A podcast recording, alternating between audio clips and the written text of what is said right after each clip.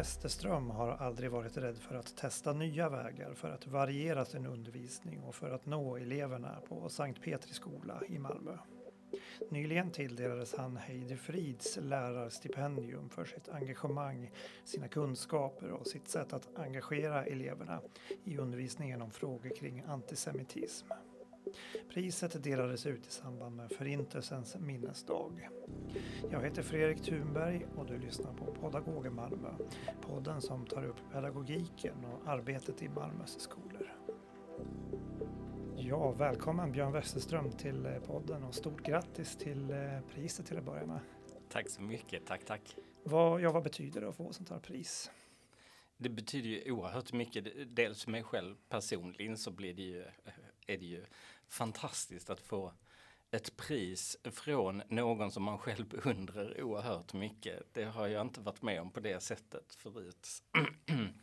Eh, sen också eh, så tänker jag att det också betyder saker för själva eh, saken som vi arbetar med och som jag arbetar med, det här att arbeta mot antisemitism. För då kommer liksom eh, frågan i belysning eh, och eh, människor runt omkring en upptäcker att ja, men det här är kanske viktigt eftersom som till exempel Stefan Löfven deltog på pris, eh, prisceremonin och Anna Ekström och sådär. och då blir det ju liksom en, en fingervisning om att det här är viktiga frågor. Eh, och då kan det hända lite saker runt omkring också. Så att det är viktigt på olika plan. Ja, till vardags då är du ju lärare i historia och svenska på Sankt Petri då. Eh, men just nu har du som sagt fått även ett annat uppdrag där du man kan säga utbildar lärare kring kring frågor kring antisemitism och eh, arrangerar hågkomstresor för både lärare och elever. Eh, berätta lite grann om det här, det här uppdraget du har. Ja, jag, jag kan börja med att precisera lite där att i, i mitt uppdrag eh, som jag har fått av Malmö stad då att arbeta som eh, samordnare i, eh, mot antisemitism i Malmö stads skolor så så jobbar jag med fortbildning av lärare och jag jobbar med att ta fram undervisningsmaterial eh, för att hur man då kan eh, undervisa mot antisemitism, alltså material till lärarna. Och det här materialet, det här materialet är ju då, eh, vad ska man säga, det är de här mörka fläckarna som Eh, Miriam Katzin upptäckte med sin rapport som hon gjorde förra året. Eh, där hon kunde se att här finns viktiga utvecklingsområden. Eh, när det gäller det här med hågkomstresor så är jag, jag är inte involverad i de hågkomstresor som görs i, eh, med SKM och Malmö stad grundskoleförvaltningen utan det är eh, min kollega Rebecka Stucker. Däremot så ordnar jag, men det är inom mitt lärar lärarjobb som jag anordnar tillsammans med två kollegor eh, hågkomstresor för Sankt Petris elever. Så att det är liksom det, det, det är inom mitt läraruppdrag faktiskt. Men det hänger ju ihop förstås mm. ändå. Eh, vi kommer att återkomma till de här mörka fläckarna du, du nämnde. Eh, men först, vad, vad, kommer sig, vad var det som gjorde att du sökte den här, den här tjänsten? Eh, jag, alltså jag har ju arbetat igenom eh, de här hågkomstresorna som Sankt Petri anordnar. Eh, och en del utbildningar som jag har genomfört så har jag kommit i kontakt med liksom, mer och mer den här typen av, av frågor.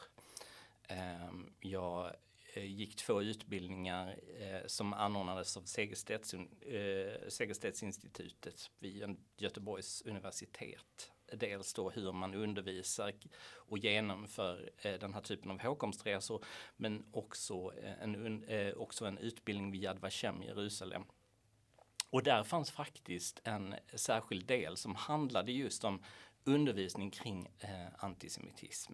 Och, och, där, jag tror det var där som jag fick en blodad tand. eh, och eh, började liksom mer tidigare så kanske mitt fokus låg främst på hågkomstresor och hur man genomför undervisar om förintelsen. Men så har det glidit över till att handla mer om antisemitism istället.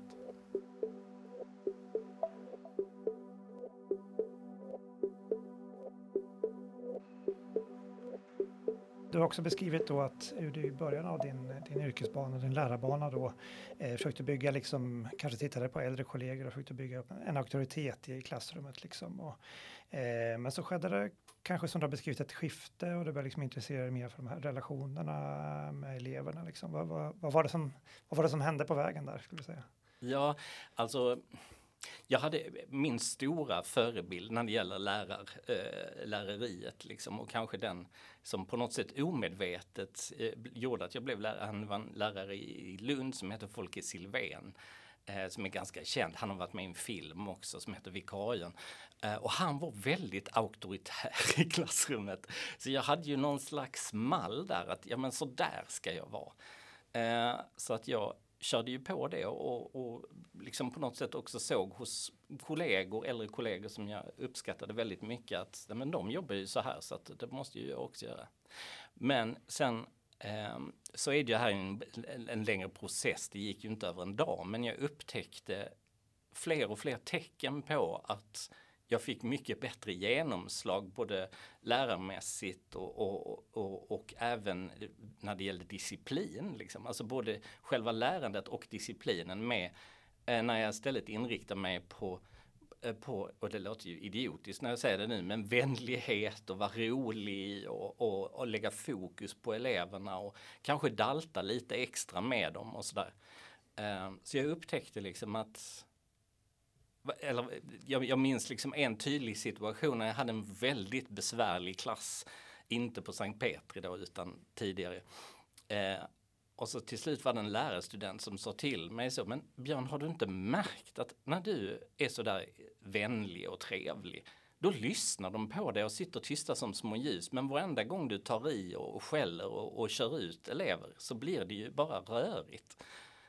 Och det, det, låter så fånigt nu i efterhand men det, det, det var liksom, blev så tydligt där att eh, genom att liksom bygga relationer med eleverna, att inte vara hård och, och, och liksom på det viset. Alltså, nu, nu får det, liksom, det, det är inte så att jag förespråkar någon slags mesmjäkighet utan tydliga regler och, och, och, tydlighet och sådär och saklighet. Det är jätteviktigt som lärare.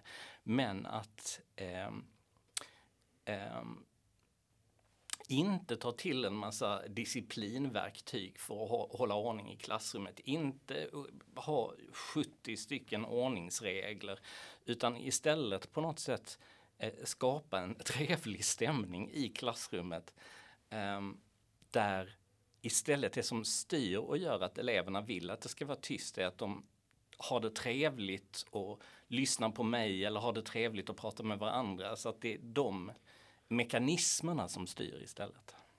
Mm, intressant. Hur, kan, du, beskriva hur, hur konkret eh, märkte du det här liksom, skiftet bland, bland dina elever när du liksom ändrade eh, eh attityder? Ska säga? Ja, alltså, det, ehm, det var som jag sa så, så var det ju liksom någonting som skedde successivt och som jag inte var riktigt medveten om. Utan det var en av gångerna när jag verkligen förstod eh, att någonting höll på att hända. Det var när den här lärarstudenten sa till mig att men Björn har du tittat på?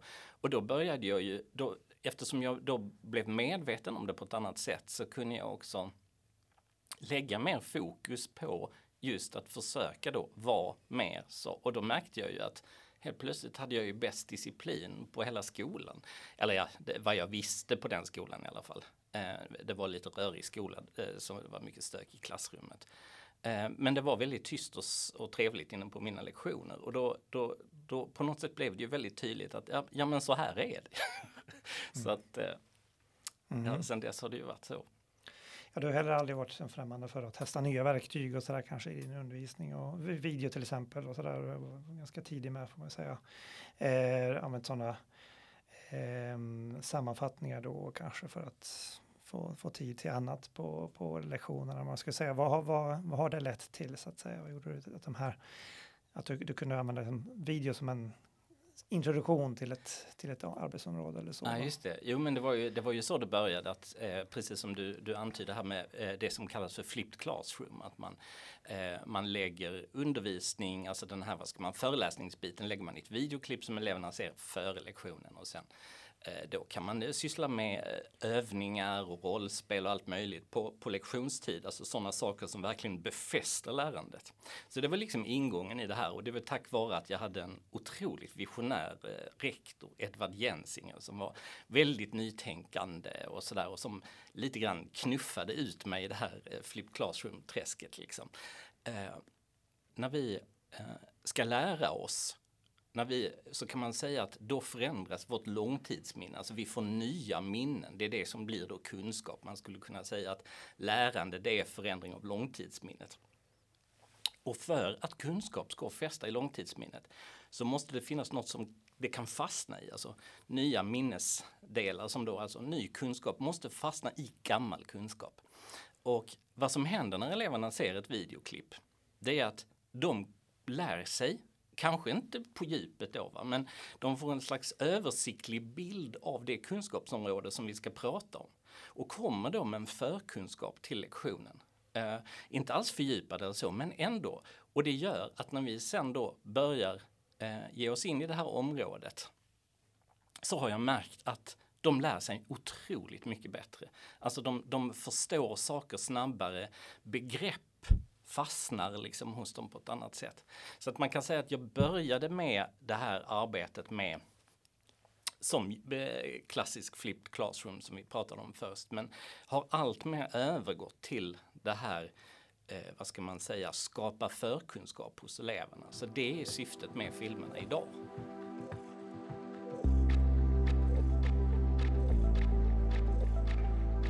Du, du nämnde så här eh, rollspel och toucha lite grann också, prata om humor och sådär.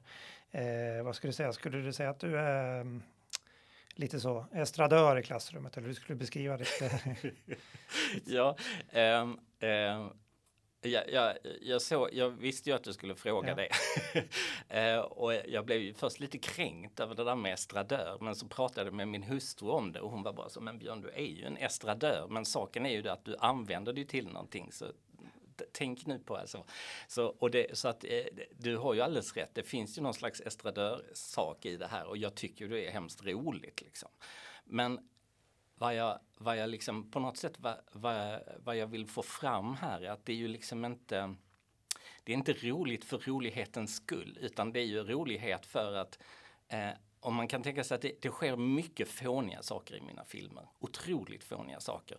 Eh, och det har den orsaken att eh, det ska få eleverna att vara uppmärksamma. Alltså så att det handlar ju om att på något sätt, för jag har ju själv sett i klassrummet när man har pratat en Eh, tio minuter så ser man att vissa eh, ögon blir allt mer glansiga, tomma och de försvinner ut genom fönstret och, och sådär. Och, då, och så lägger man in någon tramsig grej, ett skämt eller kanske mer radikalt ifall det är en väldigt trött klass att jag börjar klättra på katedern eller någonting sånt. Och då plötsligt vaknar deras intresse igen. Så att det här, det handlar inte så mycket om att eh, jag hade en kollega som blev så oerhört eh, irriterad på mig en gång och sagt du har ju någon slags jävla stå upp komedi i, i klassrummet. Men det är ju inte det det handlar om utan det handlar bara om korta tramsaker för att befästa lärandet och för, för att väcka dem och hålla dem uppmärksamma.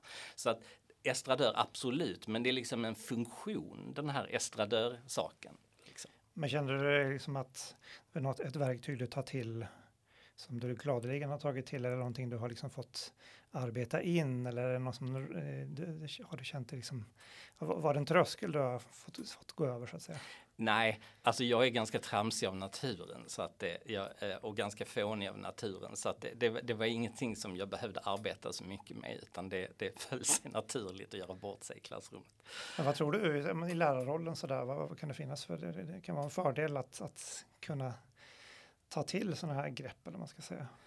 Absolut, det tycker jag. Alltså jag menar om vi ser på hur skapar vi trevlig stämning i klassrummet? Hur skapar vi gemenskap? Jag menar, tänk på att skratta tillsammans, hur viktigt det är för att skapa en känsla av ett vi som sen då kan bli motståndskraftigt mot konflikter och, och sådana saker. Men också då som jag sa kan eh, skapa intresse och få eleverna att, att vara intresserade och sitta pigga och lyssna. Mm. Ja, vi ska gå tillbaka till eh, priset här lite grann som, som du får bland annat för att då citat bidragit till elevernas intresse och tilltro till den egna förmågan att vara med och forma ett mer demokratiskt och tolerant samhälle. I den här rapporten då som en av dina kollegor då Miriam Katzin har tagit fram då så framgår det att många lärare i Malmö tycker det är svårt att undervisa om antisemitism och konspirationsteorier och sådär och kanske på grund av liksom bristande kunskap eller att det liksom är ja, den infekterade situationen i, i, i, eh, mellan Israel och Palestina kan vara en sak. Utifrån dina erfarenheter då, liksom, eh, vad skulle du vilja skicka med till lärare som lyssnar på det här? Hur kan man liksom ta sig an det är en stor fråga, men ta sig an antisemitism och frågor i, sådana frågor i undervisningen. Ja. Man kan närma, närma sig det här om det är något medskick du kan göra. Jo, men det, absolut, det vill jag väldigt gärna göra. Eh, man kan säga att det finns två stycken viktiga vägar som man på något sätt måste sidesteppa mellan hela tiden. Det ena är eh, handlar om, eh, om antisemitism. Vad är antisemitism för någonting? Hur ser antisemitism ut? Hur kan, vi, hur kan vi känna igen antisemitism? Det är viktigt att både läraren och sedan då eleverna lär sig det här så att det ska bli en företeelse som de kan känna igen på något sätt. För att den är, den, vad som är svårt idag är att den ofta är maskerad. Det används kodord, det smygs in i konspirationsteorierna. Det är liksom inte som Eh, 30-talets Tyskland där antisemitismen låg väldigt i öppen dager utan det är ofta någonting som kan vara svårt att få syn på. Liksom. Så kunskap om antisemitism, hur den ser ut och, och sådär. Men det andra som också är väldigt viktigt för om vi tänker efter vad antisemitism egentligen är så är det ju fantasier som icke-judar har om judar. Det är ju fantasier som grundar sig i rädslor och ilska och en mängd olika märkliga känslor hos de som hatar. Eh, så att det finns ju ingen antisemitismens bild av vad judar är har ju inget stöd i verkligheten. Så ett sätt att arbeta med det här det är att tydliggöra vad judisk identitet handlar om. Hur ser judisk historia ut? Vad, vad, har, liksom, vad, är det som, vad, vad innebär det att vara jude då och nu och så vidare. Så att genom att göra det så blir är jag övertygad om att vi får människor som är mer motståndskraftiga mot antisemitism. Och det, om vi talar mer om judendom och judar och judisk identitet så blir också, vad ska man säga, judar i vårt samhälle mer trygga för då kommer de känna igen sig. De kom, då känner man sig inte alienerad i skolan som Miriams rapport bland annat har visat att unga judar känner sig i skolan idag. Och då kanske man vågar vara öppen med sin judiska identitet. Och finns det liksom människor runt omkring oss som är öppna med judisk identitet så kommer det ytterligare att göra det svårare för de här fantasierna att eh, gå loss. För det vardagliga, det vi möter varje dag, det, det, det har vi liksom inte så mycket att fantisera om utan det är ju det okända, det som vi inte känner till. Mm. Så de två sakerna skulle jag vilja, kunskap om antisemitism och, och kunskap om, om judisk identitet och kultur och historia.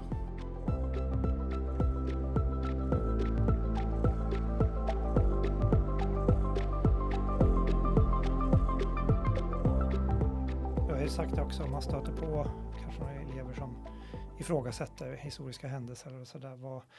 Eh, också det här att det, det återigen inte lönar sig liksom sätta hårt, hårt mot hårt utan liksom, eh, det handlar mycket om återigen att bygga relationer, ha en dialog, eh, skapa ett förtroende. Det, det låter ett, både inspirerande och, och svårt. Liksom. Eh, har, du, ehm, eh, har, har du något mer praktiskt exempel på hur du, hur du arbetar på det här sättet i din, i din undervisning? Hur man liksom kan, eh, eh ja, i de, när det gäller de här frågorna att ta sig an det på det här sättet. Att istället. Absolut, man, det, man kan ju se det dels utifrån en slags eh, vad ska man säga, en slags struktur, struktur i pedagogiken där man på något sätt lägger ett slags allmänt fokus på relationen och bygger upp så att eh, när du kommer in i ditt klassrum så finns det en trygghet med att här inne så kan vi fråga saker. Fråga saker som också känns lite som även rör sig inom saker där vi liksom är, är osäkra och, och, där det finns eh, laddningar och, och sådär. Men alltså att det finns då en slags vad ska man säga, en slags gemensam överenskommelse att när vi frågar och nyfiket undersöker saker så gör vi det för att vi vill ta reda på saker. Inte för att liksom eh, jag vill lyfta fram min, eh, alltså att jag vill på något sätt poängtera vem jag är eller att jag vill kränka någon annan eller trycka ner någon annan. Eh, så då kan man säga att då har man liksom en, en allmän ingång, liksom att, att frågor i klassrummet då handlar om att man vill lära sig mer. Eh, sen får man också se det här utifrån någon slags individperspektiv. Att när, om vi har en individ i klassen som då kanske ifrågasätter förintelsen eller eh, förminskar förintelsen är väl kanske någonting som är mer vanligt i, idag. Liksom. Eh, att då får man på något sätt ehm, där blir det ju långsiktigt och komplicerat. Därför då måste du på något sätt ändå visa den här personen att jag är intresserad av, av vad du har att säga. Jag vill lyssna på dig. Och när man kan då ha ett samtal med den här eleven och ärligt lyssna på eleven, vad eleven vill säga, ställa följdfrågor. Jag menar absolut inte att man ska uppmuntra elever till att eh, utgjuta sig antisemitiskt eh, om tillvaron. Utan det handlar om att söka liksom att visa att jag har förtroende för det du säger det första som händer där det är ju ofta att mycket av den här skiten liksom silas bort. Därför då är det plötsligt, då vill ju eleven inte på något sätt provocera längre. Utan eleven vill istället att jag ska tycka att det hen säger är någonting spännande. Och då har man ju redan liksom fått lite att jobba med. Alltså då, då kan man, och sen så, men det här är ju det, det, man måste jobba långsiktigt med de här sakerna för ofta är sådana här saker så kopplade till det egna känslolivet och den egna identiteten. Att det är inget som sker över en dag utan du, du får jobba med den här eleven långsiktigt. Eh, och sen kanske du, du, själv inte ser resultatet av ditt jobb utan du får helt enkelt bara hoppas att det här kommer gå bra. Men ofta gör det faktiskt det. Om man bara ger sig in, skapar en trygg relation med den här eleven, visar att jag bryr mig om dig och jag vill höra vad du har att säga. Ja, intressant. Eh, jag ska strax avrunda här, men om du, du, du har ju beskrivit eh, läraryrket som ett kall, mer än någonting annat. Eh, vad skulle du säga om du försöker sammanfatta? Vad är det som, vad är det som driver dig?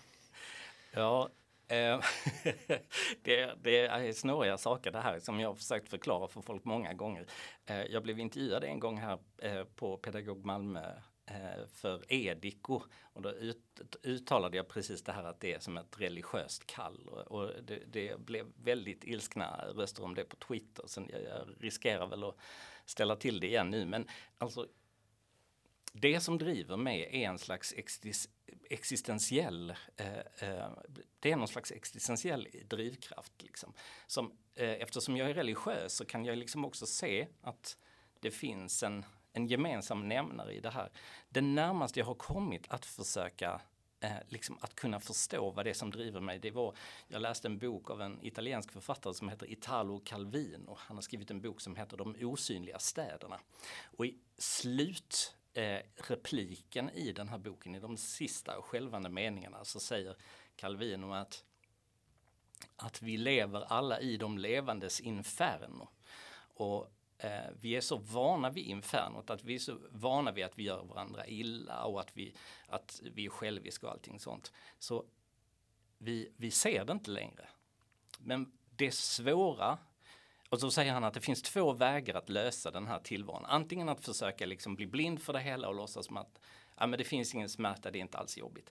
Eller att försöka känna igen det som är, är gott, det som att när vi ser ljus i den här världen. Att då eh, lägga all vår fokus på att skydda det här ljuset och att försöka eh, mana det, liksom på något sätt eh, eh hjälpa det fram.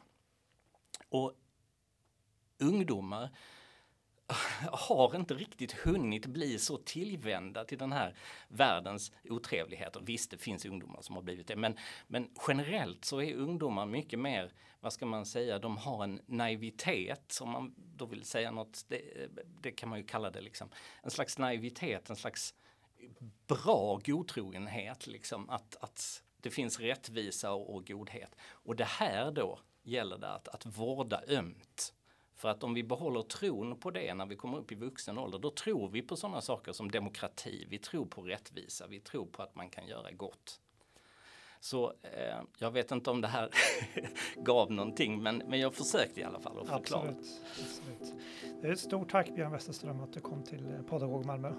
Tack så mycket för att jag fick komma hit. Du har lyssnat på Podagog Malmö, en podd som görs av redaktionen på Pedagog Malmö. Vem vill du höra i podden framöver?